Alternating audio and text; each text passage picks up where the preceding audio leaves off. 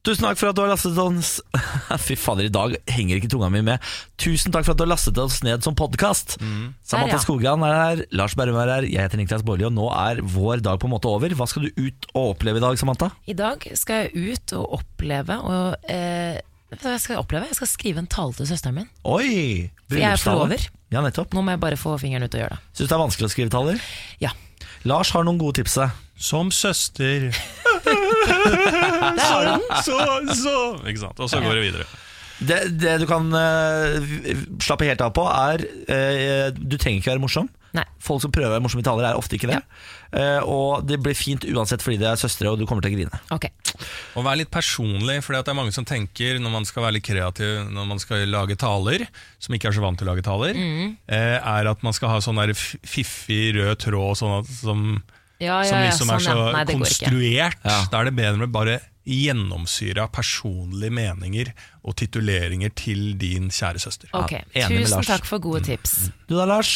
Jeg skal på Latter og standup i dag. Jeg. Skal du jeg skal være konferansier på en sånn klubbkveld. Nei, er det sant? Ja, ja. Blir sendt i seng, da. Eh, jeg er ferdig Øl og 11 greier. der.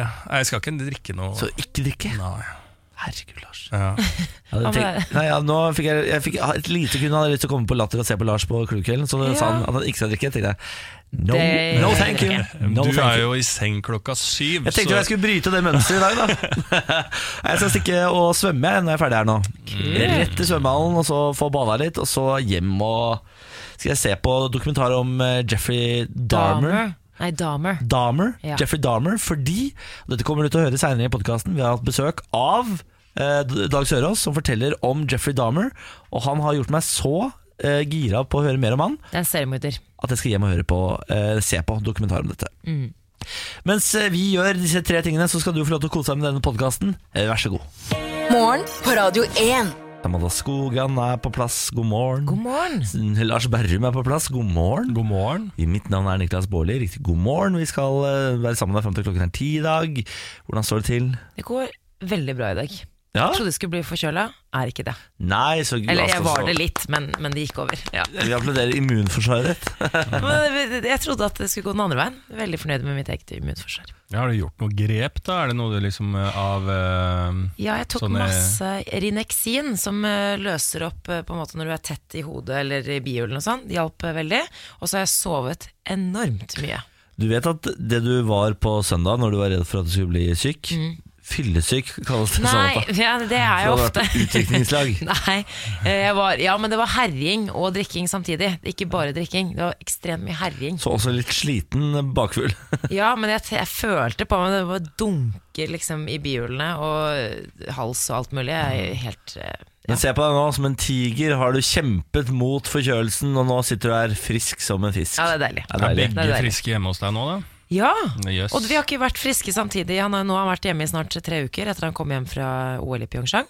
Nå er vi begge friske, så vi har Gratulerer. avtalt date på fredag. Nei, Nei, nei vi være friske sammen. Hva skal du gjøre da?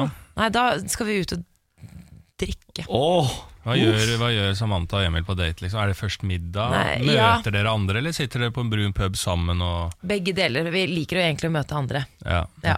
de Nei, da, liker å men reise på er, ferie eh, med andre, Lars. ja, det gjør det. Ja. Nei, Stemmer. han har jo hatt influensa, så, men han er liksom egentlig friskmeldt. Han er bare ikke så god form, så han skal ikke gå noe skirenn, da. Nei. Han er ferdig for sesongen. Eh, ja, jeg tror Også det. nå som det var verdenscup i Kolna, gitt. Ja, det. Men det var litt synd. Ja. Det var litt synd, Ja, for det er veldig gøy. Jeg ser på trikkene utenfor her, så står det sånn skiskytterfest på, i Kollen til helgen. Ja. ba, ba, ba, ba. Ja, Den blir jo uten oss, da. Det blir Nei, vi ikke får 100 000 og heie på de mennesker andre. heller. Nei, det er ikke det samme folk Hvor ute i mange tror du Liksom. kommer opp der, da? Cirka på Jeg vet ikke. Det var 100 000 For det er- på at det, ja, 100 000 dro jo også femmila. ja. Men det er ikke det samme. Jeg tror ikke det er, åp det er, det er ikke åpent, sånn som Nei. det er for uh, langrenn. Uh. Men det er jo ikke eh, Hvorfor er Kollen så start, eh, stas for skiskyttere her? Fordi at eh, Jeg skjønner at femmila er stas i Kollen fordi at det er så enorm enorm interesse, men de uh, skiskytterne de uh, holder jo på Deres Kollen er i Oberstdorf og sånn, er det ikke det? Der det er uh, 70 000 Nei, ja, ja, på en måte. Ja, men det er veldig gøy fordi det er på hjemmebane. Og Ja, det er alltid en del Det er en del mennesker Det er som det, drar opp i det Ja. Så jeg tror de syns det er gøy. Men, men. ja. Lars, da? Hvordan står det til denne tirsdagen? Veldig bra, syns jeg. Ja, Jeg syns det er greit. Jeg jeg er litt trøtt nå. Det er lov. Det er lov. Klokka er seks. Ja, og så Ellers så syns jeg det er eh, fint. Jeg ble veldig interessert i hvor mange som kom på skiskytterstevnet i Holmenkollen nå. Så du opp. Eh, nei, jeg skal ikke det. Men hadde jeg invitert dere og tvunget dere, så hadde dere faktisk blitt med meg. sant? Ja, ja, ja. Ja. ja. men jeg- Ja. Em, går ikke Emil, så jeg har ikke vi noe der å gjøre. Det er helt riktig. Ikke sant? Men ja, vi hadde blitt med. Ja, er du gæren? Ja, det hadde vi selvfølgelig blitt med på. Niklas, da? Ja, Du har det veldig bra. Eh, Jeg la i går, historisk tidlig la jeg meg i går. Nei, ja, nei. Klokka sju. Men du, Off, Hva er det som foregår? eh, det er Dagsrevyen, det. 19.00, liksom. Til og med pensjonistene holder seg våkne til Oi, Det er etter. Dagsrevyen. Ja, nå er det, det, er helt, altså, det er helt nytt nivå nå. Ja, Nå kan jeg bare legge meg når som helst og sove, sove natten gjennom. Det har ingenting å si hva klokka er lenger. Nei. Men det er Jeg la meg tolv, jeg. Ja, nettopp. Ja, Ja. Så, altså, klokka sy syv, ja. Og så sovna syv også, ja, ja, som en stein. Og så til i dag. Syv, åtte, ni, ti Hvor mange timer er det? Elleve? Sto jeg opp fem, da? Det er ti timer, det. Sånn som det bør være. Du greier å få i deg ti timers søvn når du er oppe fem. Det er så Da er du et morgenmaskineri. Ja, det er et morgenmaskineri. Men eh, det er jo altså noen eh, For å beholde utseendet så trenger man å sove veldig mye, Lars. Og for at jeg skal være så utrolig vakker som jeg er, Ja, så må jeg sove ti timer om natten. ja, ja. Jeg ser du har på deg caps i dag, Niklas. Er det fordi sovesveisen er liksom Det er riktig. det, Den er, Ja, den er så- vill etter ti timer. Ja, å si sånn, den sveisen der Jeg gikk jo på den smellen at jeg dusjet um, i går kveld istedenfor i dag tidlig, Ja. noe jeg egentlig hater. Uh, men det har jeg, jeg har begynt med mer og mer av det siste, og da får jeg altså et hår som ikke ligner grisen. Så på vei ut av døra i dag, jeg sånn, jeg har bare denne capsen. Jeg må, I dag skal jeg dra og kjøpe flere capser, sånn at jeg kan turnere capser. Og, og da fortsette å dusje på kvelden, for det er deilig. Ja. Ja, så Da begynte det liksom eh, kveldsstellet sånn i sekstida, du da. Med dusj og pusse tenner Ja, og spise Hjelper Benjamin deg med å stelle deg sånn på kvelden også? Pass deg! Når du Pass! Hjelper deg opp i pysjen. Ja. Men han er litt yngre enn deg. er I går- sånn, klok nå er klokka seks, Niklas, det er på tide å gå på badet. Det er gøy at dere kødder med det, Fordi i går når jeg hadde lagt meg, så kom han inn og hadde smurt to brødskiver til meg. Sa sånn, det er lurt at du spiser Åh, før du legger deg. det er så søtt! Dere er veldig søte òg, altså. Ja, veldig, Selv om du er veldig gammel blitt. Men jeg liker det, for jeg er også litt pensjonist. Jeg liker jeg, er, jeg er jo egentlig ikke så gammel. Jeg bare, akkurat det på, det på sovingen så har det, det har bare tatt helt av i det siste. Det går fra 0 til 100. Ja, Det er helt, helt fantastisk. Det er jo deilig, da. Ja, men Ja. nå har det bikka igjen. Nå er det begynner det å bli et problem. Nei, nei, nei. Nei, det er jo ikke det. Jeg kan jo ikke legge meg klokka sju. Det er jo ikke noe liv, det. Nei, Det er jo ikke noe liv. Så jeg må ta meg sammen igjen, og så må jeg prøve å holde det gående til halv elleve i hvert fall. Da. Og Det som er litt rart, Niklas, er at du har faktisk mer energi når du har sovet lite og gjort noe sprell kvelden før, enn det du har akkurat nå. Det er riktig. Ja, Du ser alltid trøttere ut når du har sovet bra. Det er ikke det rart? Jo, det er veldig rart. Men eh, så tar det en halvtime, og så kommer jeg som en kule. Ja. Eh, hvis jeg har sovet lite, så er jeg veldig opplagt i starten, og så krasjer jeg noe voldsomt mot slutten. Ja. Eh, så dette det, det her er et prosjekt som blir bedre, i motsetning til de andre gangene hvor det pleier å bli dårligere og dårligere. dårligere. ja. Det lover godt. Det lover godt. Vi har eh, en, eh, litt av en tirsdag foran oss, faktisk. Vi skal selvfølgelig quize som vanlig. Vi skal inn i Tenketanken, og vi får besøk av vår faste huspolitiker Henrik Asheim. Ja. Ja, det blir koselig, det. I tillegg til det så kommer fader meg Dag Sørås i dag. ja, så kult, da. Ja, Han skal komme og fortelle oss eh, noe han eh, kan, eller vet. Ja, Det blir sikkert litt mørkt, da. Du kjenner jo Dag Ja. eh, Sørås. Hvordan er han eh, til sinns? Han er verdens triveligste mann, Ja, eh, men har mørke interesser. mørke Uh. Men det syns jeg, jeg. føler med sånne folk som eh, hører litt sånn uh, dyp rockemusikk og leser litt sånn dyp litteratur og sånn, de går ofte litt sånn til mørket for å bli underholdt. Ja. Ja. Han ble stilig i det siste. Dag Sørås Ja, vakker ser plutselig veldig bra ut. Ja, skam at det er radio der. Ja, hvis, du, men hvis du går liksom sånn fem år tilbake, så så han jo litt mer sliten ut. Men han, ta, han har hatt et oppussingsprosjekt på seg selv. Ja, Han har årene. blitt tynnere. Han har begynt å gå turer, og så har han bytta ut den goat-beeren Ja. eh, med et helskjegg som får alle til å gå for minst tre hakk opp på terningkastet. Det er det han har gjort. Det er der det har Ja. skilt seg. Og det er ganske smart taktikk. Å ha et helt liv med sånn goat beer, og så bare ta det bort med fullskjegg. Hadde ikke du også goat en stund? Goatee? Altså sånn, nei. Nei, det har jeg aldri hatt. Nei, jeg tror han lyver. Morgen på Radio 1. Eh, eh, hva var det? Eh, var det lite sånn jeg så litt på Paradise i går. Hashtag litt sånn som, som den ene sa, nervepillene. Og det er det beste Og det er det, er det beste med Paradise. Det kommer alltid nye ordtak og ord. Ja. Eh, en som eh, har, jeg har lyst til å snakke litt om, er en som heter Erik, som eh, bor i USA. Eh, han, eh, da Donald Trump vant valget, så gjorde han noe litt sånn originalt, da. For da valgte han dette, vil- Han ville ikke at Trump skulle vinne valget. Så da pakka han snippsnekken eh, og stakk av til en grisefarm. Ja vel. Og har siden ikke lest, sett eller hørt nyheter. Oi! Oi. Så han har isolert seg helt, eh, og han bor langt ute på en grisefarm, da, som sagt. Så han kjøper kaffe hver morgen og kjører han en time til eh, den lokale eh, kafeen. Eh, men han går så tidlig så før folk kommer. Han snakka med baristaen, så baristaen nevner ingenting av hva som skjer i verden. Er det sant? Og hvis han ser fotball på TV, da, amerikansk fotball, så har han alltid lyden av, sånn at han ikke skal høre eventuelle stikk som eh, gir han indikasjon på hvordan det går ute i verden der. Han hørte på musikk, likte å høre på radio og sånn før, men da kan det komme noen som prater imellom sangene, ikke sant? eh, og sier hva som skjer, så det gjør han ikke lenger. Da hører han bare kun på Spotify, eller hvit, altså sånn noise-lyd Er det sant? Eh, tar og isolerer seg totalt da, eh, og innrømmer da at det har blitt litt kjedelig, eh, men han liker det. Eh, og ser at han er på kanskje litt sånn eh, ignorant og egoistisk. For det er jo det amerikanske medier er ganske nådeløse mot denne mannen og sier at han eh, er Amerikas mest egoistiske mann. og drar det helt litt at han som hvit eh, og at han har hatt mulighet til å tjene opp penger, har dette privilegiet til å dra og isolere seg.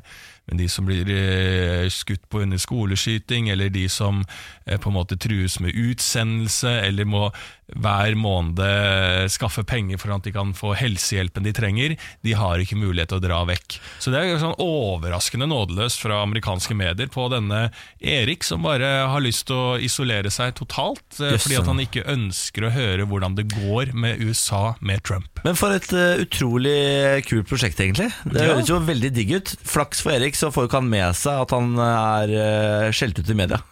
Så han aner jo ikke at uh, han blir hata der ute. Nei, det gjør han jo ikke, det har jeg ikke tenkt på engang.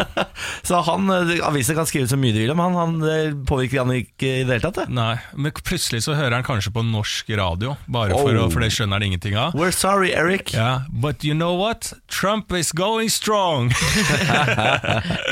Ja, jeg har uh, Dette har vi jo snakket om før, men jeg har fått meg vaskehjelp. Ja, Fikk plutselig en ny mail fra vaskebyrået om at eh, min eh, da tildelte vaskehjelp, som da skulle bli min faste vaskehjelp, han eh, ville ikke komme tilbake. Han er redd hund, ja. Er det så sant? han har, ja, så, ja, han har trukket seg. ja. Eh, Det var en litt overraskende vending. Jeg trodde ikke at eh, Jeg trodde hvis noen kom til å trekke seg i dette parforholdet, så var det jeg som kom til å si sånn Her er det ikke vaska godt nok. Ikke han som sier sånn Jeg nekter å komme tilbake og vaske hos deg. Men Niklas, det kan være at han ikke er redd for hund generelt. Det kan være at han er redd for Bjarne. Bjarne var i bur da Når han var der. Ja, da, Inn i bur, lukke døra, og så vasker han mens Bjarne ligger sånn og ja, nettopp. Hvordan reagerer han i bur? Ja, han eh, ligger og logrer. Ja. han, Det er rart å være redd for eh, Bjarne, som er en puddel. da han er golden doodle. Ja, men sånn altså, Det er ikke en schæfer som Nei, ligger nei, nei. der, Han, eller er ikke han, han, ser, han, ser, han ser jo bare snill ut. Ja. Altså, du skal legge mye vondt i et eh, vesen Ja, da for å få han til å virke skummel. Da er du virkelig redd for hund. Ja, da er du virkelig redd for hund. Ja. Så det er han åpenbart. da så, Men Får du ny, da? Ja, nå har jeg driver og mailer litt frem og tilbake for å finne den perfekte eh, rengjører. Oh, ja, Så- hvordan eh, får du liksom tilbud? Se, se på denne personen. Ja, jeg har bedt om DNA-test. Nei, jeg får, eh, det er noen tider som skal passe, fordi de skal komme på samme tid ja, hele tiden. Ja, Så vi må liksom legge opp et løp. ja. Derfor må vi finne en som passer til meg og mine behov, Mm, og som tør å ha, være nær hund. ja. Men det beste med det, jeg eh, fikk jo tips fra deg, så jeg har jo brukt samme vaskebyrå. Og det beste med det hele er at du får to små dime når de er ferdig. jeg fikk- Med et lite sånn kort. Sånn, ha en nydelig dag. Jeg fikk en annen eh, type sjokolade som jeg ikke er like Ja, glad i. men min vaskehjelp er bedre enn din. Ja. Nå får jeg en ny, da. Kanskje jeg får deg med. Ja. Samantha bor bedre, det er mye hyggeligere å vaske hos Samantha. tror jeg. Og utgangspunktet er mer ryddig Det er ikke noe hund der heller. Nei, og Nei. utgangspunktet tror jeg er mer ryddig. Ja. Det er jo diggere å vaske en villa i Kollen enn å vaske en, en eh, villa? En ryddig villa. Samantha er jo så ryddig av seg. Ja, det er jo Ikke sant? Så det er- Hvorfor har du vaske. vaskehjelp, egentlig? Jo, jeg orker ikke å, orker ikke å skrubbe og liksom, sånne type ting. Det høres bra ut. Jeg vil snakke litt om eh, det som, skjer, eh, det som skjedde i Underhuset i Storbritannia i går. Theresa May krever svar fra russerne angående nervegiftangrepet på den russiske avhopperen Sergej Skripal og datteren Julia. Det skjedde jo for litt over en uke siden. De ble forgiftet på et kjøpesenter i England. Og i en tordentale så understreker da Theresa May at hun krever svar fra Russland, som hun mener står bak dette angrepet.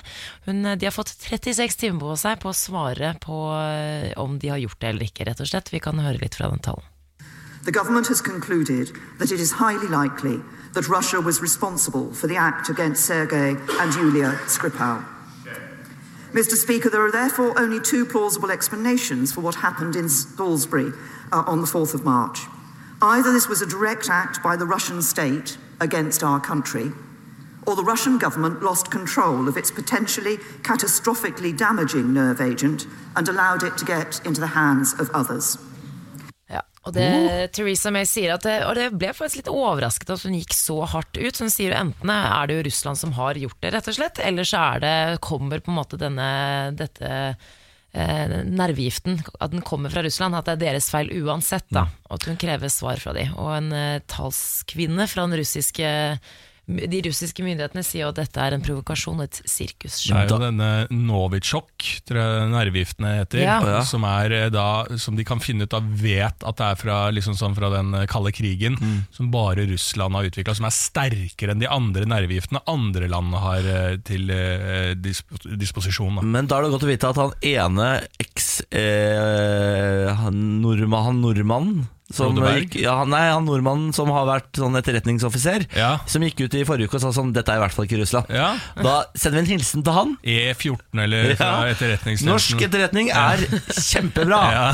Kjempebra norsk etterretning. det Ja, det var en nordmann som gikk hardt ut og sa at sånn, det er usannsynlig at det er Russland som står bak. Høyst usannsynlig. Ja, Men dette her er jo krisestemning, da. Ja. Det blir gøy å se hva som skjer. Ja. Vi jeg liker med. de der, jeg skal være med de der rettssakene. Nei, de der når Theresa May snakker og være liksom i, Underhuset, ba ja. i underhuset bakgrunnen og si sånn here, here, here. Du hadde kledd det, Lars. Ja, så, det er adlibbing, det er det det er. Here, here, true, true. Morgen på Radio 1. Du som hører på, vi er jo en helt ny radiokanal, og vi setter ekstrem pris på alle som finner oss på DAB-radioen sin. Eh, vi føler jo på en måte at vi har eh, lagd et slags langbord. Så er det masse ledig plass på langbordet, så må man bare ta og finne seg en, et sete, sette seg ned og bli med i, i familiemiddagen. Ja. Det var et fint bilde på deg. Okay? Veldig fint. Og eh, du finner oss også på sosiale medier. Ja. På Instagram og Facebook og Snapchat på radio1.no. Ja visst. Der er det bare å skyte løs, og vi svarer som bare det, vi. Ja, Så godt vi kan, i hvert fall. Stemmer det. Kan. Jeg gjorde regnskap i går. Gratulerer, ah, Lars. Gikk det bra?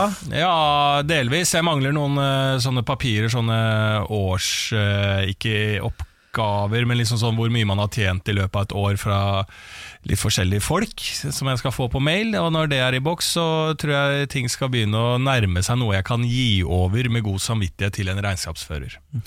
Ja, fordi dette visste ikke jeg, men du må gjøre et slags eh, regnskap før du i det hele tatt går til regnskapsføreren, som også skal gjøre regnskapet. Ja, man sparer jo litt på sånn eh, når man har, Jeg har jo da enkeltmannsforetak registrert i Brønnøysund.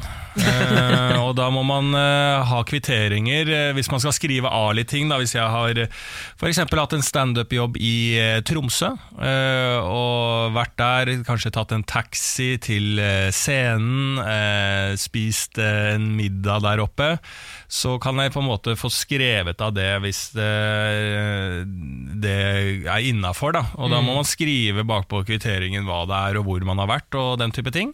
Eh, og når man gjør det, så må man legge det i eh, sortert eh, opplegg og levere til regnskapsføreren. Ja. Så ender du altså opp med å få mest sannsynlig baksmell, eller? Eller er du Eh, nei, altså nei, Når man leverer regnskapet, så får man på en måte ikke nødvendigvis en baksmell eh, med en gang. Altså, du du regn, leverer et regnskap, og så regner, på, hjelper regnskapsføreren deg til å regne ut hvor mye du må skatte. Ja. Og hvis du betaler den skatten, så får du ikke noe baksmell. Ja, nettopp, ja. Så da er det i orden. Men jeg fikk jo også hjelp av en revisor en gang, og jeg gikk fortsatt på en uh, smell med det forskuddsskatten, hvor man betaler skatt på eh, forhånd og sånn. Ja. Det, var- det er faktisk uh, lett ja, å gå på en smell. Ja, for den kan bli ganske høy. Det hadde jeg i fjor. Der, eh, fordi at den regulerer seg litt fra I hvert fall som enkeltmannsforetak, så er det liksom plutselig et år så tjener man ganske mye, og så tjener man ikke så mye neste år. Og da regulerer den forskuddsskatten seg for fra fjoråret. Å ja, sånn, Eh. Men den er veldig enkel å regulere igjen, da. Men hvis du ikke er helt på hugget der og glemmer det, så kan det ende opp med å plutselig bare sånn Å ja, jeg må, må betale inn det, eller det er lurest å betale inn den, den forskuddsskatten, for du har glemt å regulere den. Det gjorde jeg i fjor, så jeg tror jeg har betalt en del skatt i fjor, da, som, eh, forskuddsskatt i fjor, som vil hjelpe på i år, da. Så jeg tror ikke det skal gå så gærent, jeg. Nei, men Så bra, Lars. Vi Ja. heier på deg og din økonomi. Ja, takk skal du ha. Jeg vil snakke om en litt eh, en eh, stygg sak. Jeg vet ikke om dere husker Martine-saken. Martine Wiik Magnussen Jo. som ble drept eh, for ti år siden. Eh, I morgen faktisk er det ti år siden hun ble funnet eh, drept i kjelleren til eh, leilighetskomplekset til hennes eh, venn Farouk Abdullak eh, fra Jemen. De, hadde- de studerte sammen i London og hadde vært ute samme kveld. Og han er etterlyst og mistenkt for dette drapet. Dagen etter dette skjedde, det var kun de to i den leiligheten, så eh, flyktet han til Jemen og har eh, ikke vært i Storbritannia siden. Og siden det da mangler utleveringsavtale mellom Jemen og Storbritannia, så får de jo ikke tak i han, rett og slett. Eh, og faren til Martine, Odd Petter Magnussen, har nå i ti år kjempet for å få datterens drapsmann stilt for retten. Og nå skal han i eh, forbindelse med tiårsmarkeringen skal han til England for å ha møte med Scotland Yard for å finne ut av dette atter en gang. Han har, eh, jeg er så imponert over den mannen der. Han har eh, altså kjempet i ti år og stått på og fått så mye mot, motgang. Og det er, det er bare en forferdelig sak, rett og slett. Og nå prøver de også å få kontakt med foreldrene til han eh, Farouk. For å på en måte prøve, det, ja, prøve alt de kan da, for å få sympati. Altså, de sier jo det, datteren deres er jo ikke i live, de har i hvert fall sønnen sin, men de kan i det minste sende han til Storbritannia for å gjøre opp for seg. Jeg så uh, han faren til uh, Abdulak, Sa- Saher Abdulak, faren hans, uh, har sendt en beskjed via advokaten sin til Martines familie nå, og skriver at de sender sin ektefølte oppriktige kondolanse til familien Magnussen. Og that's it. Ja, det er nettopp det. De har jo jo hjulpet det er, altså, det er jo det som er så provoserende i den saken her, fordi norske medier har jo dekket den ganske tett. Jeg husker noen sånne reportasjer fra noen år tilbake hvor norske medier var nede i Jemen og prøvde å finne han uh, Abdulak, som jo er antatt eh, drapsmann, og det gjorde de ganske enkelt. Det var sånn, lå liksom akkurat ett steg bak han. Og Det er så irriterende å vite at han er der nede og vasser i penger og har så fritt, fint liv og lever eh, partyboy-livet i Jemen, når han eh, mest sannsynlig hadde blitt eh, dømt for drap hvis han bare kom seg til Storbritannia eller Norge. Ja, er kongelig et eller annet sånn, eller? Ja, det er Han kommer bare fra en rik familie, tror jeg. Ja, men det er sånn eh, vanvittig enorme mengder med Altså, de er jo så beskytta der nede. Det er jo ikke bra. Ja. Vi skal ha en tur til eh, Paris, fordi Sophie Elise har uh, blitt robba. Hun har rett og slett eh, blitt utsatt for en uh, Kardashian. Mm. Er det sant? Ja, ja, ja, ja. Bloggkjendisen fikk en lite hyggelig avslutning på sitt opphold i den franske hovedstaden, skriver VG. Sophie Elise har skrevet på sin blogg mandag ettermiddag at uh, kun en halvtime før hun skulle reise til flyplassen, så ble hun ranet på hotellet. Og en godt voksen mann forsvant med både ryggsekk fra Louis Vuitton, eh, kamera, Macbook, mobil og pass. Oi da. Ja, Det Er hun er mest eh, lei seg for Nei, jeg tror hun har kommet seg igjen og så jeg på Instagram i stad. Det hun er eh, mest lei seg for, er at hun har altså, og skrevet på en bok som uh, lå på den Macbooken. da. Den har hun skrevet på i et år, og nå er den borte. Nei. Ja. Men har du backup, ikke- eller? Nei, det virker ikke sånn. Nei.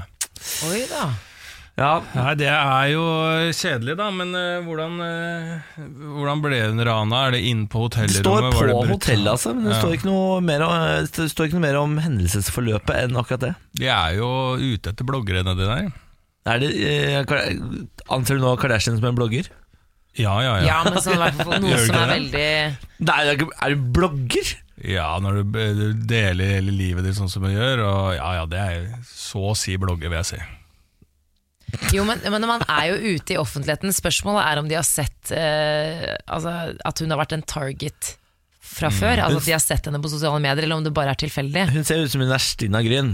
Jeg gjetter på, jeg. Dette gjetter jeg på er arbeidsmetoden til disse ranerne. De står utenfor kjente dyre hoteller, så ser de på hvem som går inn og ut, og så tenker de sånn Hun der er lett bytte, hun ser ut som hun har mye penger. Nå går vi og gjør det. Men Hvordan finner du hvor hun bor? Da følger henne opp til rommet og sånn? Det er sikkert sånn de står utenfor uh, Sofie Elise har sikkert bodd på et ganske fasjonabelt hotell, ikke sant? så det Ja. der kommer det veldig mange av den type kaliber, sikkert. Det er jo sånn de Ja. tenker, disse kjeltringene. Kjeltringene.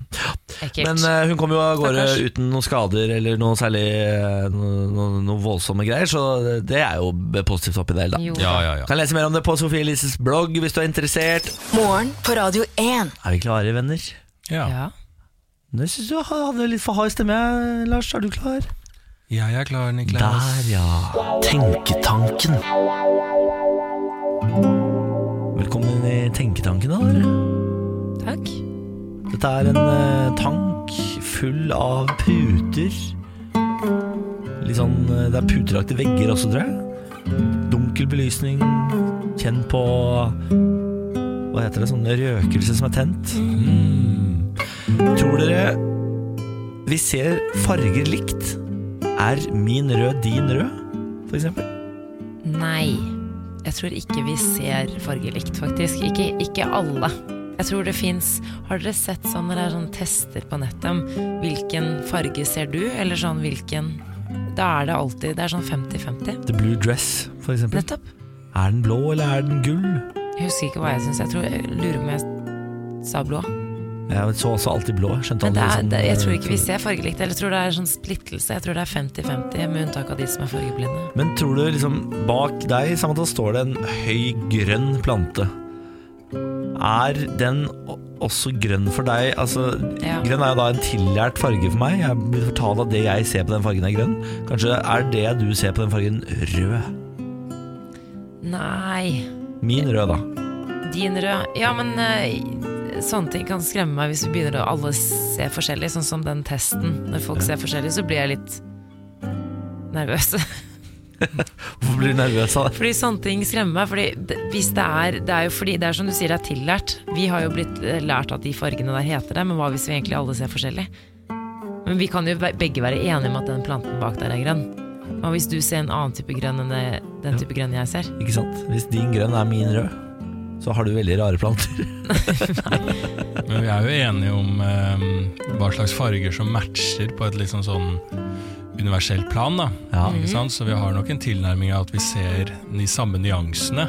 Hva vi kaller det, er jo litt det samme. Det er jo liksom sånn Om vi kaller en stol for en stol, er det en stol for deg? Ja, det er en stol for deg siden du har lært at det heter en stol. Men selve navnet har jo ikke så mye å si. Men det er jo Jeg tror vi har en, eh, med unntak selvfølgelig, en ganske lik oppfattelse av farge, med nyanser. da Ellers hadde vi ikke greid å enes om hva som Er fint og ikke? Eh, ja, så man er uenighet, men eh, hvilke farger som går litt sammen, og hva som er veldig Hva som er sprakende, hva som er eh, neppe, og hva som eh, er eh, knæsj, da. For ja, men Det kan også bare være liksom eldgammel læring. Fordi hele livet så blir du fortalt sånn at eh, eh, grønn går jo ikke med rød. Det skal, må jo Jeg tror jeg aldri blitt fortalt Det er julefargene, da. Men ok. Ok, ja. Grønn går ikke med Jeg syns ikke rødt går med svart, f.eks. Rødt går ikke med svart. Men det handler jo om hva jeg syns er fint og ikke. Ja, ikke sant? Der har vi uenighet i hva Men som hva, er jeg lurer på hvordan det er for fargeblinde. Det må være så forvirrende. Stakkars, de skjønner jo ingenting. Ja, de ser jo Hva er det de ser egentlig? Ser de bare grått? Nei. Nei, det er vel noen farger de ikke ser. Men i dag var vi jo ganske enige. Ja. Ja. Det var deilig. Det var deilig. Det er lov med enighet i tanken. Morgen på Radio 1. Riktig god morgen. God morgen, Samantha Skogran. God morgen. God morgen, Lars Berrum. God morgen. Og god morgen, fast huspolitiker Henrik Asheim. God morgen, god morgen, god morgen.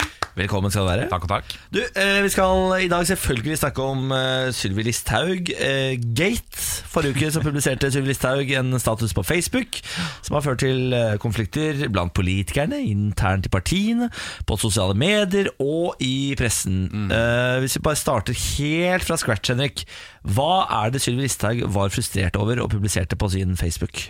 Det er at regjeringen har foreslått at når du har det som man mistenker å være terrorister, altså fremmedkrigere som har et norsk og et utenlandsk statsborgerskap, så sier politiet i noen tilfeller at det er veldig sannsynlig at dette er mennesker som kommer til å gjennomføre terror f.eks. Så foreslår regjeringen å si at da kan man ta fra dem det norske statsborgerskapet med en gang, Uten en dom? uten en dom. Eh, Og så kan de selvfølgelig få det prøvet i retten etterpå, men at man kan gjøre det med en gang og frata dem alle rettigheter som norske borgere. Mens stortingsflertallet, altså alle unntatt Høyre og Frp, sier at det må først en dom, og så kan man frata statsborgerskapet. Men hva er det Sylvi gjorde som gjorde at eh, det rabla for folk? Sylvi la ut en uh, status på Facebook hvor hun hadde et bilde av eh, terrorister, sånn som IS-terrorister eller noe sånt, uh, hvor det sto at uh, Arbeiderpartiet setter terroristenes rettssikkerhet foran landets sikkerhet. Eller jeg husker ikke akkurat formuleringen. Lik og del. Ja, ikke sant? Ja, lik og Eh, eh, Det er så nydelig den der lik og del. Ja, hvorfor fører, hvorfor fører en så, et sånt bilde og en sånn Facebook-post til så såpass store reaksjoner? Ehm, på den ene siden så er det en måte å argumentere på som er, eh, mener jeg, ganske urimelig. Altså det er litt som å si altså, ehm, SV og Høyre kan være uenige om bistandspolitikk. Uh, og så kan jeg mene at vår bistandspolitikk er mer effektiv enn SV sin. Men hvis jeg sier SV vil at flere fattige i Afrika skal dø av sult, så er det noe annet enn å være uenig om virkemidler for å nå det samme målet. Eh, Så det er, en, det er bare en sånn ufin måte å argumentere på, mener jeg. Men det andre er selvfølgelig at dette ble tatt i Arbeiderpartiet som en link til 22. juli. Det må man jo forstå at det ble. Jeg tror, altså, jeg tror for å være ærlig. Dette her er litt sånn, Det var ikke det Sylvi Listhaug mente, men det er forståelig at det ble oppfattet sånn. Og Det er litt som å sitte rundt et middagsbord, og så har en opplevd noe ganske forferdelig, og så argumenterer du egentlig på en annen måte. Men så trekker du en link eller tegner et bilde som oppleves som støtende for den personen. Og da er det jo ikke noe verre enn det man alltid gjør, og det er å si unnskyld, det var ikke meningen. Ja, altså eh, Jonas Gahr Støre har jo vært ute og vært veldig tydelig i den saken. eh, egentlig alle har vært veldig tydelige i den saken, bortsett fra din egen leder, Erna Solberg. Hun holder jo fullstendig kjeft, hun.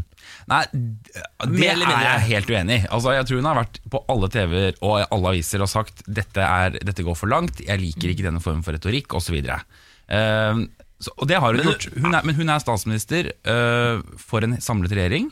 Ja, Men hvis hun har sagt dette går for langt, uh, unngå sånn retorikk, så har hun omtalt seg veldig rund i kantene. Jeg tror også det har med at støy har blitt så stort at vanligvis når en statsminister sier det hun har sagt om noe en statsråd sier, så er det ganske oppsiktsvekkende. Men her har det blitt så mye bråk at det har druknet i støyet. Eh, og det er faktisk noe nytt at statsministre skal stå til ansvar for all form for argumentasjon en statsråd bruker. Jens Stoltenberg gjorde aldri det. Eh, så det er noe nytt som har kommet nå. Men kanskje er det riktig, det vet jeg ikke. Men, men, jeg tenker eh, sånn, Statsråd er en representant for eh, regjeringen, så på en måte så burde jo, hvis det Sylvi Listhaug sier, så skal hun representere jo regjeringen. Mm. Så da er det jo, skulle nesten bare mangle at hun enten tar avstand eller støtter henne. Ja. Men jeg, da. Ja, Eh, og det som Erna har gjort er jo å ta avstand fra den måten å argumentere på, men har sagt seg enig i poenget med budskapet, nemlig at hun er enig i Arbeiderpartiets standpunkt, eller hele stortingsflertallets standpunkt egentlig i den saken. Det, det, jeg vet ikke hvor eh, spesielt det er, men du har jo tatt ganske mye tydeligere standpunkt enn din egen leder på Twitter.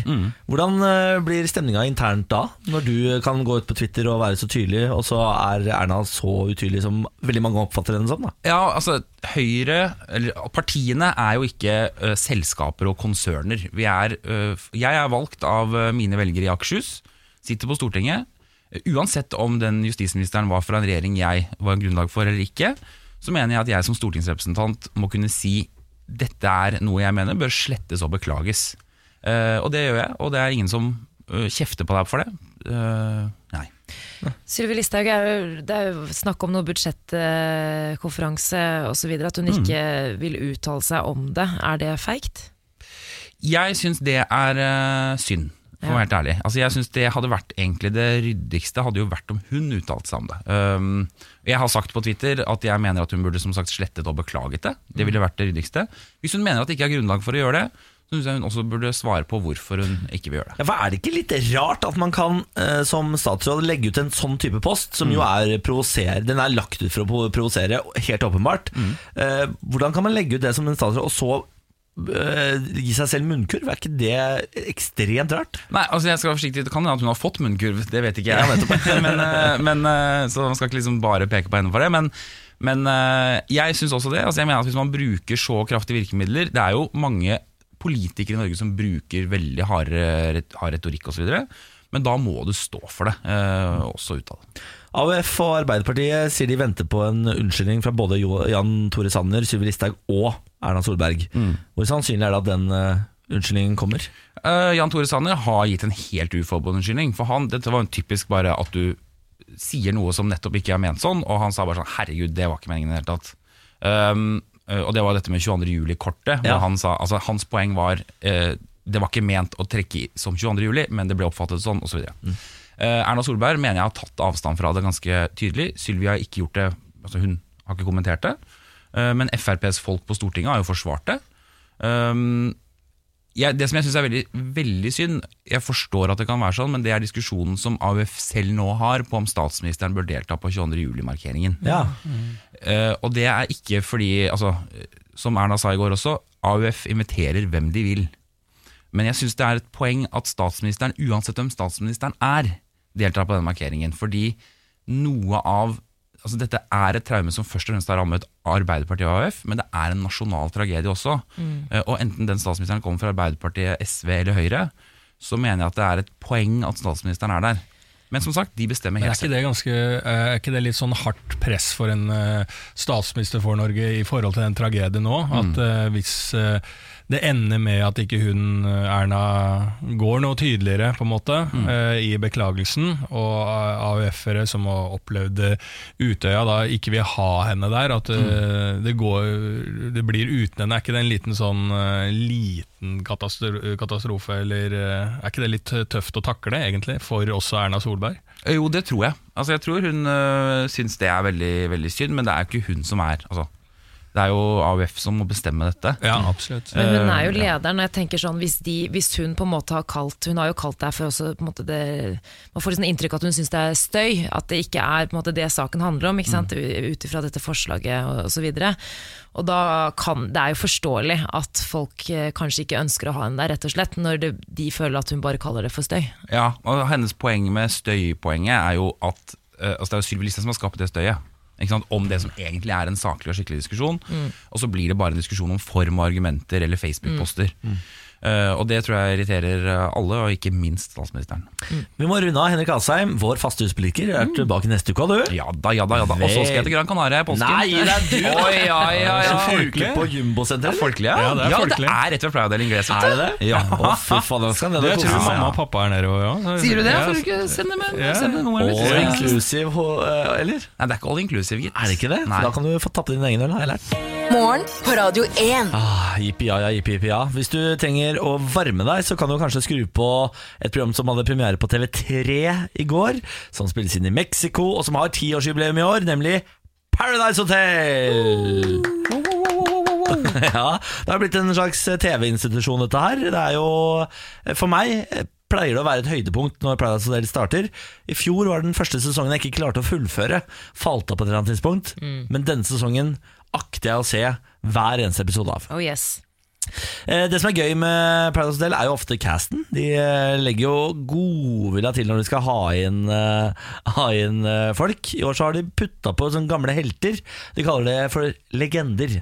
De gamle Paradise-legendene kommer tilbake. Jeg har ikke helt oversikt over hvem som, hvem som kommer tilbake av de gamle heltene.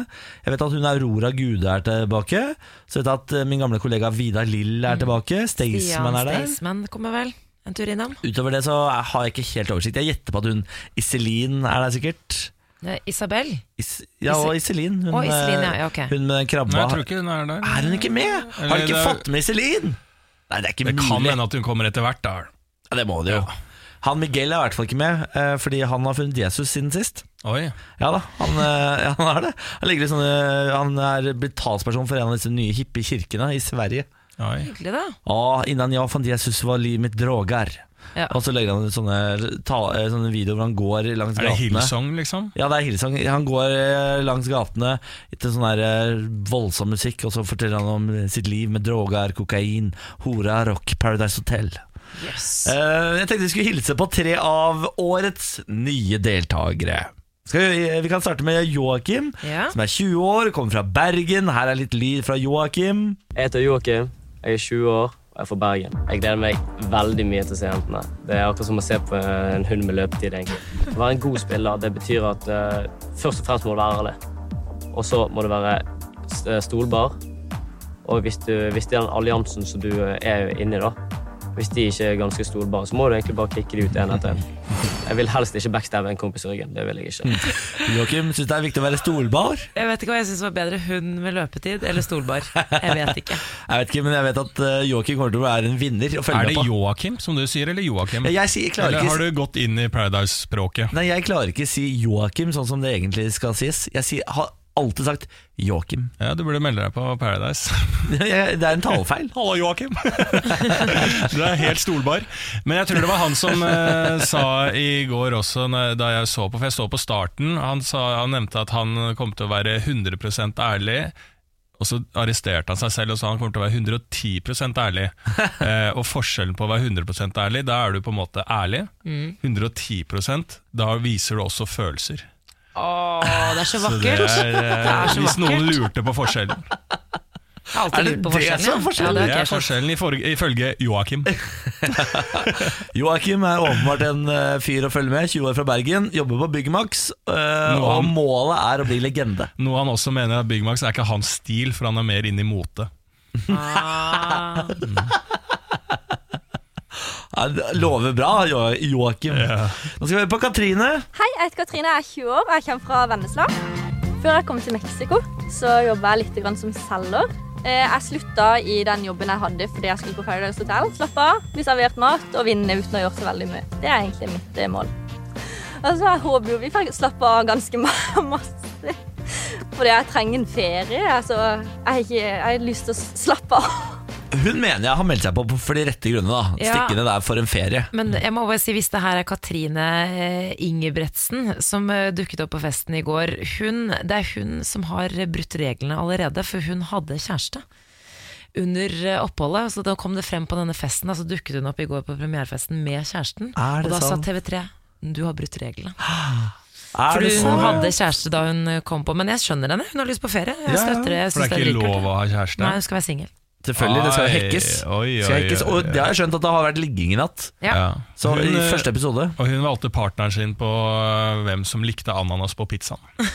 Og, ok, vet du hva? Hun er min favoritt. Mm. Katrine? Ja, hun er min Og hun favoritt. liker ananas på pizzaen. Jeg elsker henne, og jeg elsker hun liker dialekten. ananas på Altså. pizza. Ja, ja. Det er det beste som fins. Ananas på pizza? Ja, og hun drar til Paradise for ferie, nettopp det jeg ville gjort. Og hun har kjæreste, og hun har dritkul dialekt. Jeg elsker henne. Ja, og, ja jeg har eh, Ok. Ja. Ananas på pizza, det er Det er- deal-breaker for meg, ass. Det eneste, altså det er så godt. Ja. Nå skal vi hilse på Christian. Kristian, 22 år, Bergen. Jeg eh, jobber på Ikea i Åsane, i restaurant. Eh, men der jobber jeg ikke lenger, for nå skal jeg være med på Paradise Hotel. Så nå er jeg i Mexico. Jeg er veldig fornøyd med mitt eget utseende. Jeg, eh, jeg er ikke en tier, eh, men eh, jeg vil gi meg sjøl en syver. For å slå legendene så skal jeg spille med de, men eh, når stykket kommer til stykket, så skal de være obs på at eh, da er det krig. Når stykket kommer til stykket stykket. kommer til stykket. Når stykket kommer til stykket, så skal Christian spille med legendene, som jo er da de gamle tidligere Paradise Hotel-deltakerne, som er tilbake igjen. Og det blir nevnt ved- eh, Da jeg så på, så tror jeg Triana nevnte legender da med Hun hadde en Kanskje at hun sa syv setninger og nevnte legender tolv ganger. Altså, det er ingen tvil om at de skal bli kalt legender. Jeg lurer på om denne Christian her var den som hadde sex uh, allerede i går. Altså Sier første episode det? med en som heter Julie. Oh. Ja, stemmer det. For han kom inn i snekkerbukse fordi at han skulle vise at han var seg sjæl. Snekkerbukse liker jeg, da. Kan være sexy på gutter. Ja, ja. Oh, det? yes, yes, yes, yes, Jeg slo litt feil ut sånn eh, hva jeg syns er appellerende, altså den snekkerbuksa. Ja, det kommer litt an på Det kommer litt an på typen, egentlig. Det er noen som kler snekkerbukser veldig godt, Ja, andre som ikke gjør det. Jeg kan være enig i det. Ja. Så litt malplassert ut, den snekkerbuksa hans. Det kan jeg se for meg i, på, I Mexico Så ser jeg for meg at uh, snekkerbuksa hans skal være litt feil. Ja, og en eh, svart T-skjorte under det. Hadde vi i hvert fall valgt Hvit. T-skjorte. Hvit T-skjorte i snekkerbukse er du gæren. Men eh, herregud, dette var bare tre av ensemblet i årets Paradise Hotel. Ja, det er jo hun ene som sier at dette her kommer til å bli veldig nervepillende. Vi må ikke glemme det. Eh, og det er jo helt enig i, at dette her blir en eh, nervepillende sesong. Eh, og det blir jo spennende. Jeg gleder meg jo litt til disse legendene skal komme inn, da. For det er jo gøy, for de har jo fullstendig overtenning og vet selv at de er legender. Ja. Eh, så de kommer jo til å kjøre full, fullstendig trøkk. Skal han Karl Aksel være med også?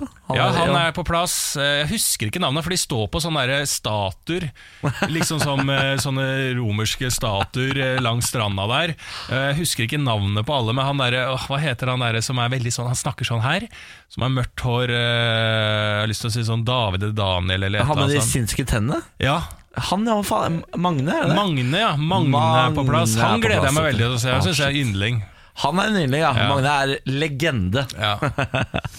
Morgen på Radio 1. Og nå, kjære lytter, kan du glede deg, for det er dags for en ny utgave av Lars Bærums morgenkviss. Tre spørsmål til deg, Niklas Baarli. Til deg, Samantha Skogran. Dere er et quizlag, så dere svarer jo samla. Alle svarene får vi helt til slutt. Hva er deres quizlagnavn? I dag heter vi Thin Quizzy. Thin Quizzy. Thin, altså tynn, eh, Ja. som i ordspillet på Thin Lizzie. Altså hva, Hva bandet. Å oh, ja, det har jeg ikke hørt om, ja. Nei, Thin Quizzy. Ja, så kult, da. Ja. Jeg er med. Jeg er veldig med. Jeg synes Ikke det var litt gøy. Det er fint, det. Ja. ja, Samantha godtar, da er det lagnavn, da. Ikke sant? Ja, Thin Quizzy. Spørsmål nummer én til Thin Quizzy er hva heter den nåværende toppskåreren i Premier League? Ai, ai, ai, ai, Er ikke det han nye unge duden på Manchester United, da? Eh, hva het, men jeg husker jeg så overskriften, jeg leste det forrige uke. Men vet ikke om det er den samme, men det må jo være det. Uh. Toppskårer i Premier League. Ah, er det han, Lars? Er det det er han ikke han nye unge? Tottenham heller, da. det var jeg sikkert helt ute. Han Kane? Nei, det er det sikkert. Altså, jeg, jeg har virkelig ikke peiling. Det eneste jeg vet, er at Manchester United har fått en ny ung uh, spiller som scorer masse. Ja, jeg husker ikke hva han heter, men jeg så en artikkel om han forrige uke. Han er mørkhudet. Ja, men han har uh, eh, Det, er ikke, det holder ikke som svar, nei. Og hvis det var det du lurte på? Nei, ja, det var det jeg lurte på. Spiller han på Manchester United, toppskåreren? Hvem vet? Er Du vet. er det Alex et? Alex Ferguson. Du kan ikke Ok, unnskyld, men Hva er det du gjør med hva er det du gjør med mobilen mobilen din, nå? Niklas? Går inn på mobilen! Du har Jeg, prøver å se, jeg har fått en melding fra produsenten vår. Hun har skrevet til meg på Facebook. Jeg skal se hva det er for noe. Nei, Kanskje- nei, Nei, du, ikke skyld på produsenten, Det er bare tull. Benjamin, kjæresten din, sitter og hører på. Venner sitter og hører på. Du Ben- får meldinger. Hvis Benjamin kan svaret på dette spørsmålet, da fortjener Ja, men vi han faktisk det sitter jo poenget. med Jeg har ikke Google. noe mobil, jeg har ikke er juks. ting. Kan vi bare si at jeg, Det er minuspoeng. Jeg har ikke sagt det! Nei. Jo, du tok opp mobilen, sjekker meldinger, Hvis jeg svarer Ok, kan jeg bare si en ting, spørre deg om en ting, Lars? Quizmaster Lars. Hvis jeg svarer nå uten at han sier ett ord til, kan vi da ikke få minuspoeng og kanskje få poeng hvis jeg får riktig da? Greit. Ok, fordi hus, jeg, det er han eh, unge duden, husker ikke hva han heter, så en overskrift om han, et eller annet veldig, veldig, veldig bra. Men jeg har også eh, navnet Kane dukket opp i hodet mitt, fordi jeg også har sett en overskrift om det også. Ta han. ta han må nesten det, for Ja. jeg kan ikke navnet på han andre. Ta han. Harry Kane. Harry Kane. Eh, greit. Hvordan endte du der? eh, Jeg sa jo det i sted. Jeg, sa- Kane var jo det første jeg sa. Ja, Så du sa at det ikke var det, sa du? Nei, nei. Ja, men det er fordi juksing han her. sa Nei, det er hun juksing. starta jo med å si det! Jeg Så, hadde nei, det er Kane, men det er jo ikke han, sier hun. Nei, Nei, det jeg sa sa, ja, men det er ikke han. Det er ikke han på Manchester United. Og så plutselig, ut av det åpen himmel, så er avgjør Samantha. Samantha Skogran. Ja, jeg Synes, fordi vi kom jo ikke på det navnet uansett. Jeg Jeg, sa vet jeg. ikke, og Grunnen til at han reagerer nå, er fordi det mest sannsynlig er riktig. Ja, ja, for hadde det vært. Manchester United-fyren, så hadde ikke han reagert Nei. sånn. Så eh, Lars Berrum, bare gå videre. Det der, vi, hun har svart eh, Hva svarte du? Harry Kane Dere har har minuspoeng. Nei. Det er juksing her. Jeg orker ikke det her! Juksing. Hvis det er noe som er urettferdig, da klikker det for meg. Bare Ja. vent, det klikkes. Ja, men du sitter her, eh, ser på dataer. Jeg, jeg, Se på jeg, dataer! Jeg ser, jeg altså, jeg har Som quizmaster så må jeg stole på dere. Som quizmaster så må Vi er nødt til å ha et eh, forum Lars. der vi stoler på hverandre. Lars. Jeg sa, Etter to Her- sekunder etter du sa det, så sa jeg Harry Kane okay, med én gang. Fordi det er Plutselig- sikkert vi- riktig. Plutselig Skal folk høre på dette? Okay, skal folk høre på dette? Lars, mm, Quizmaster kan du gjerne titulere meg med. herr quizmaster, kan Ja. vi ta spørsmål to? Ja, det kan jeg gjøre. Da har dere minus én. Nei, du Nei, har ett hvis det er rett. Quizmaster sier minus én, da er det minus Vi én. Spørsmål nummer to. I hvilken verdensdel ligger Kilimanjaro? Det ligger eh, Bestevenninnen min eh, gikk den, faktisk, eh, i januar. Er det sant? Yes. Hvor ligger den, da? Eh, det er i Afrika. Ja, det stemmer, fordi det der er folk tenker Det er annerledes. ikke juks. Det er ikke juks. Hun gikk Det er Afrika, stemmer. Ja, det er helt riktig. Afrika. Afrika? Ja. Spørsmål nummer tre. Hvem er den yngste statsministeren Norge har hatt? Jens Stoltenberg? Og er, ja, er det Jens Stoltenberg, ja? Han var ganske ung da han ble første gangen. Ja, Bon nei, ikke Bondevik. Han, var ikke så, han har alltid sett gammel ut. Har du sett de tidlige intervjuene med Bondevik, hvor han snakker om sånn flyvende Nei. At politikere skal fly fra by til by og ha sånn Men- eh, platå de skal stige ut på? Jeg husker på at jeg så den NRK-serien. øh, Det var sånn hver gang vi møtes, holdt på å si, Ja. bare for statsminister. Og da Jens var jo en pikenes Jens, han var jo en sånn ung, Ja, det sant det. lekker fyr. Det er sant, det. Eh, Det at han var lekker, betyr ikke at han var den yngste, men han var ikke så veldig gammel. Hva het han der andre lurven. Han som ikke klarte seg så godt? Jeg hadde aldri sagt om en kvinnelig statsminister at hun var lekker. Jo, hvis hun var Jeg bare lekker, tulla, jeg bare gjorde om en øh, kjønnskritikk her. De sier eh, Jens Stoltenberg, gjør ikke det? Jo. Jens Stoltenberg, endelig svar. Ja. Ja. Ok. Henry Kane, eh, Afrika og Jens Stoltenberg. Eh, Da går vi på spørsmål nummer én og svarene. Eh, Hva heter den nåværende toppskåreren i Premier League? Eh, Der svarte dere ut av det blå plutselig eh, Harry Kane. sa Ja. det var det første jeg sa. Første jeg sa.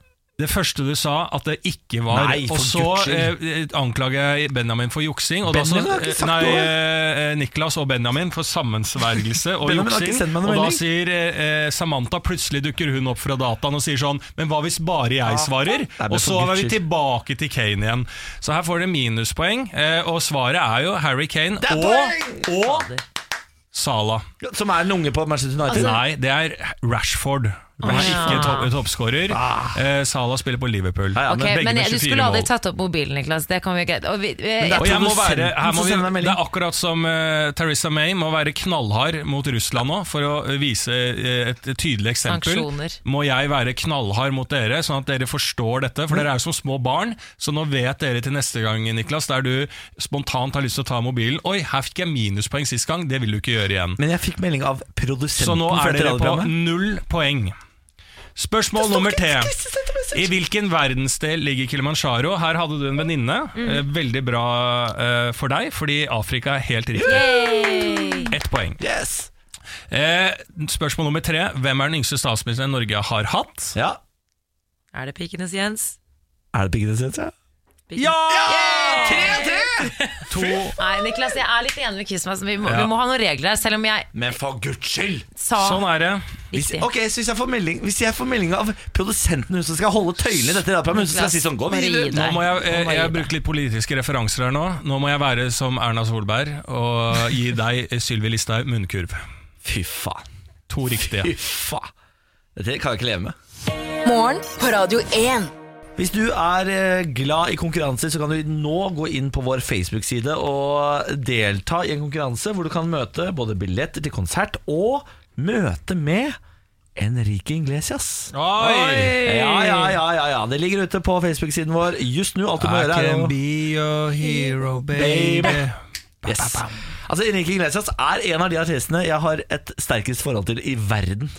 Å ja, du er såpass, ja. Ja, ja, ja. Tror du var ironisk her. Nei, nei, nei, nei, på Nei. ingen måte. Jeg, altså, jeg elsker Enrique Iglesias. Jeg elsker én låt av Enrique Iglesias eh, som, gjør, eh, som er sånn soundtracket til den sommeren jeg var enten 17 eller 18. Jeg husker ikke helt hvilken. Eh, den første sommeren jeg følte på sånn ekte frihet, selvstendighet, drakk, eh, var oppe natta lang. Altså, den første ordentlige sommeren hvor jeg liksom var voksen nok til å bare drite i absolutt alle andre enn meg sjøl. Ja. Den første egoistiske sommeren. Husker dere deres egen sånn sommer? Ja, det var eh, sommeren 2006 eller 2007. Hvor gammel var du da?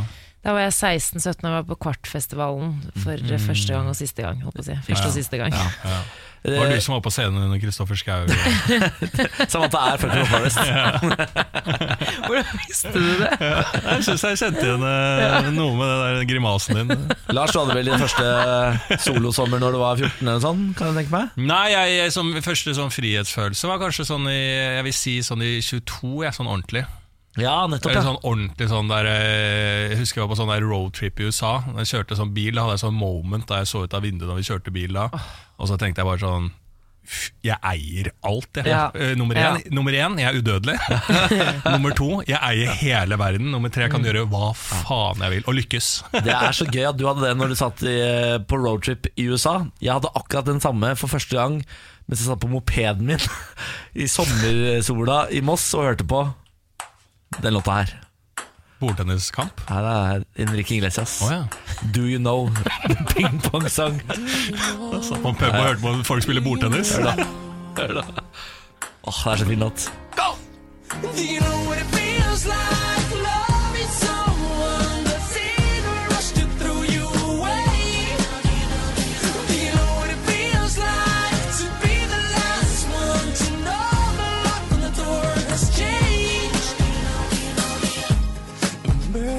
En litt ung Bårli på mopeden her nå.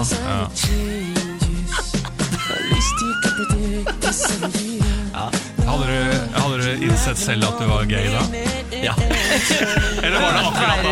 Eller var det på den mopedturen du skjønte Jeg tror jeg er homofil? Du starta mopedturen som heterofil mossing og stoppa med som homofil. Niklas, Hør veldig beste. Ah.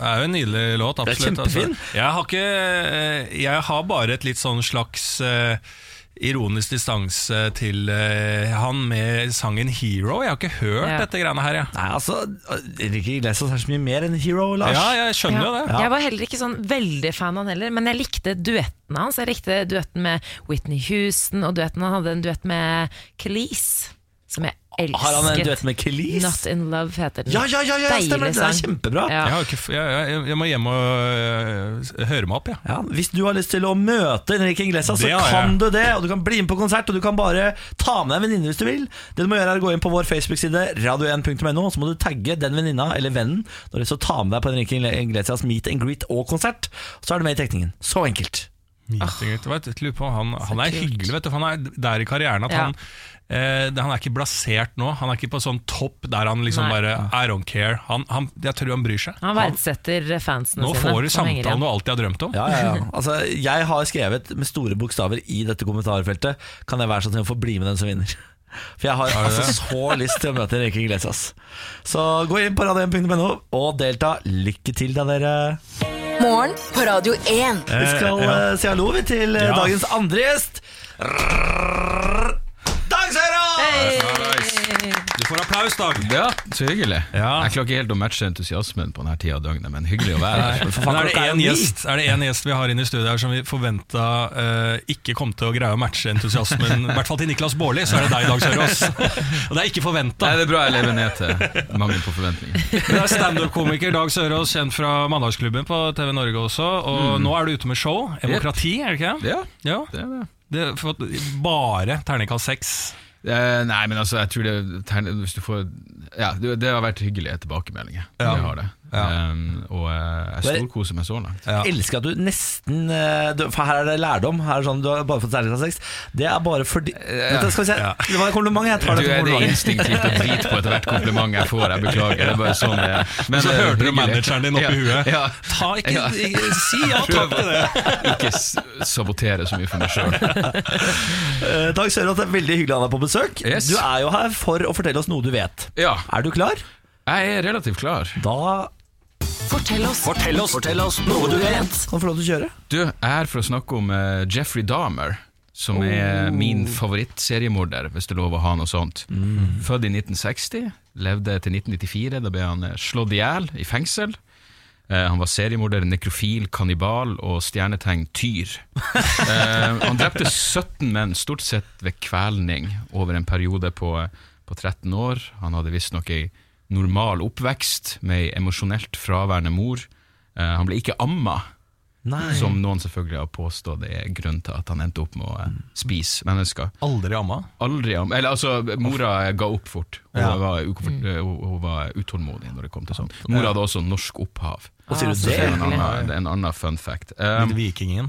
det, det, vikingen kom frem. Eh, han begynte å fantasere om å drepe tidlig i tenårene, og tok sitt første liv da han var 18 år.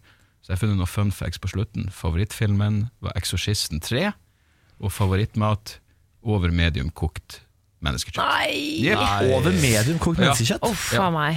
Å, fy faen. Men hvor, hvor, Kjøttet skulle helst renne av beina. Ah, men hvor var han fra, sa du det? Milwaukee. Milwaukee, var amerikaner, dette her, ja. Ja, amerikaner, ja, det Ja. glemte jeg å nevne. De fleste seriemordere man hører om, er amerikanere. Altså, Ja, absolutt. Altså. Så jeg tok på det som en selvfølge. Han var tidlig ute med sovid, sous vide, denne fyren.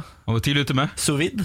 altså, sous vide, altså denne kokemetoden hvor beinet til slutt oh, ja. løsner fra kjøttet. det er gøy. Sant. Han var det. kan, du, det kan du låne til en annen gang, eh, Dag. Men han var jo liksom min første, min første seriemorder, på en måte. Den første boka jeg leste om Mm. Seriemordere, var han. Og det er, jo, det er jo noe sant med det der at du glemmer aldri. 17 Den stykk eh, drepte han og spiste den, da. Ja, altså Det som var interessant med han, var at han visstnok ikke var så glad i å drepe folk. Det var ikke det viktige greia for han, så derfor dopa han dem ned. Han var en ganske kraftig og sterk fyr, men, eh, Ja. men han likte ikke selve drapsritualet, så han dopa dem ned til de ikke kunne gjøre motstand, og så kvelte han dem. Og så hadde han en sånn drøm om å lage en zombie. Eh, han hadde lyst til å lage eller, liksom, ei, ei, ei sexdukke, egentlig, som skulle være i live, men som ikke hadde noen egne meninger, og som bare gjorde alt han sa, og som sikkert kunne rydde litt rundt omkring i huset også. Var det kvinner eller menn han drepte? Menn. Det var menn, Ja, det var menn. Og det, uh, jeg har hørt folk spekulere om det var en av grunnene til at han slapp unna så lenge med det her, fordi de han drepte var ofte folk som var kjent for å være homofile, eller mer eller mindre gateprostituerte. Eh, så politiet prioriterte rett og slett ikke de her ofrene. Og han hadde jo en eh, han hadde en 14-åring som han fikk med seg hjem, dopa ned, og 14-åringen klarte å komme seg ut. Oi. Ut av leiligheten hans, få tak i en politimann. Og Jeffrey Dahmer var så såpass iskald at han bare vandra etter ut til politimannen. Og her sto han, uh, 14-åringen var allerede slått så han blødde og var helt neddopa. Jeffrey Dahmer klarte å overbevise politifolkene om at dette er typen min, og eh, han har bare drukket litt for mye, og vi krangler en del i fylla, så la meg bare ta han med tilbake til leiligheten. Så politiet fulgte denne 14-åringen tilbake nei, nei, til leiligheten hans. I leiligheten på det tidspunktet var det jo avkappa haug og menneskerester, men eh, de, eh, de fikk han trygt tilbake til, til damen. Til å bli og- spist, Til liksom. å bli spist, ja. Jesus Christ. Men var han også sånn som uh, tuklet med dyr i barndommen? For jeg husker jeg så Yes. en eh, serie om det. At Ja. han, ja. Det er visstnok en sånn klassisk uh, faresignal for Ja. at du ender opp med å bli seriemorder. Nå skal det jo sies at jeg sjøl tukla ikke med dyr mens de levde, men jeg kan huske at jeg fant en fugl som var død, og slo et stein i hodet på den bare fordi jeg ville se hva som var på innsida. Men da tok faren min meg, han, han ferska meg i det og fikk meg til å begrave den fuglen. og- Ja, det Så det er mulig jeg var på vei ned. Faren din en redda deg fra å bli en seriemorder, ja. Så hvis, hvis faren til Jeffrey Dahmer bare hadde følt litt bedre med, så kunne alt det her ha ordna seg. Men så ble du jo amma. Ja, så ble jeg amma altså, i tillegg. I det minste morsmelkerstatning. Jeg er ikke helt sikker, men jeg fikk noe etter hånda. Så jeg fikk den korrekte næringa. Det er det viktigste. Hvor mange år er det han eh, fikk lov til å holde på? Han holdt på fra jeg mener det var 78 til 91, så 13 år. Å, fy faen. Eh, og, eh, men, men som sagt, det var visstnok eh, hans eh, valg av offer som gjorde at han kunne Han sjekket de vel opp først, tenker Han jeg. sjekka dem opp. sjekket det var, de opp, ja. tok, fikk han, med, det, han var, som mange seriemordere, sjarmerende, over gjennomsnittlig intelligent. Mm. Og eh, fikk dem, de, de unge menn, så bare det å si 'jeg har øl', var nok til å få dem med tilbake. Men er det litt sånn, er det spekulert, da selvfølgelig sikkert, men eh, siden han tok menn som ofte var homofile og sånn, eh, litt sånn som uh, uh, Orlando-terroristen, liksom Mm. sånn at han er undertrykt homofil selv? Ja, var han, han var, men han var ikke undertrykt, han var helt åpen på at han, Ja, var, han var det. homofil. Ja, ja. Mm. Han prøvde vel, jeg vet at han prøvde å begå sitt første drap når han var Da var han vel 16, tror jeg. Det var en sånn fyr som pleide å jogge forbi der han bodde. Så han bestemte seg, han her fyren skulle han ta. Eh, Så han la seg i busken med, med kloroform, eller hva enn han var klar for å ta Og Så kom han der fyren tilfeldigvis ikke. Jeg, jeg blir den så. Fascinert over liksom dobbeltlivet. For jeg og så også den dokumentaren som jeg snakket om, om Jeffrey Dahmer. Mm. At eh, familien hans sa at han egentlig var veldig sånn sympatisk mot søsken og foreldre. Sånn, at Ja. han var veldig sånn ekstremt snill fyr, da. Som alltid stilte opp og var veldig sånn sympatisk.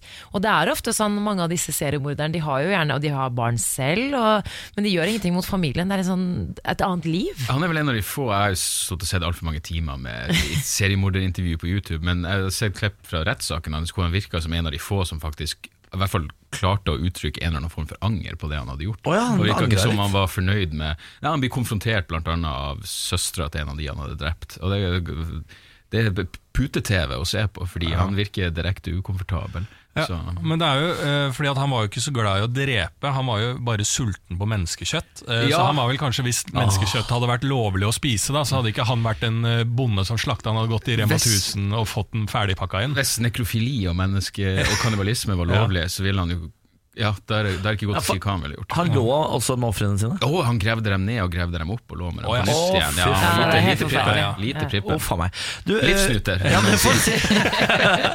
Eh, Dag Sørås, vi må runde av der. Tusen Ja. takk for at du kom og fortalte om Ja. eh, Jeffrey Dahmer. Håper du fortsatt Da- koser deg med frokosten der Ja. eh, ute. Uff a meg.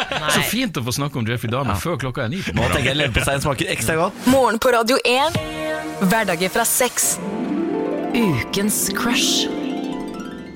Ja, I dag dere, så vil jeg fortelle om en glemt forelskelse. Jeg oppdaget uh, denne mannen, det er en mann i dag, i 2001, i en alder av tolv år. Husker dere filmen 'Jeg er Dina'? Jeg er Dina. Altså Dina med hjertet i hånden, er det en film? Jeg er Dina, spilt med hun Maria Bonnevie. Fra en film fra 2002. Jeg er dere den? Bli hos meg. Ja, Nei, dere husker ikke det.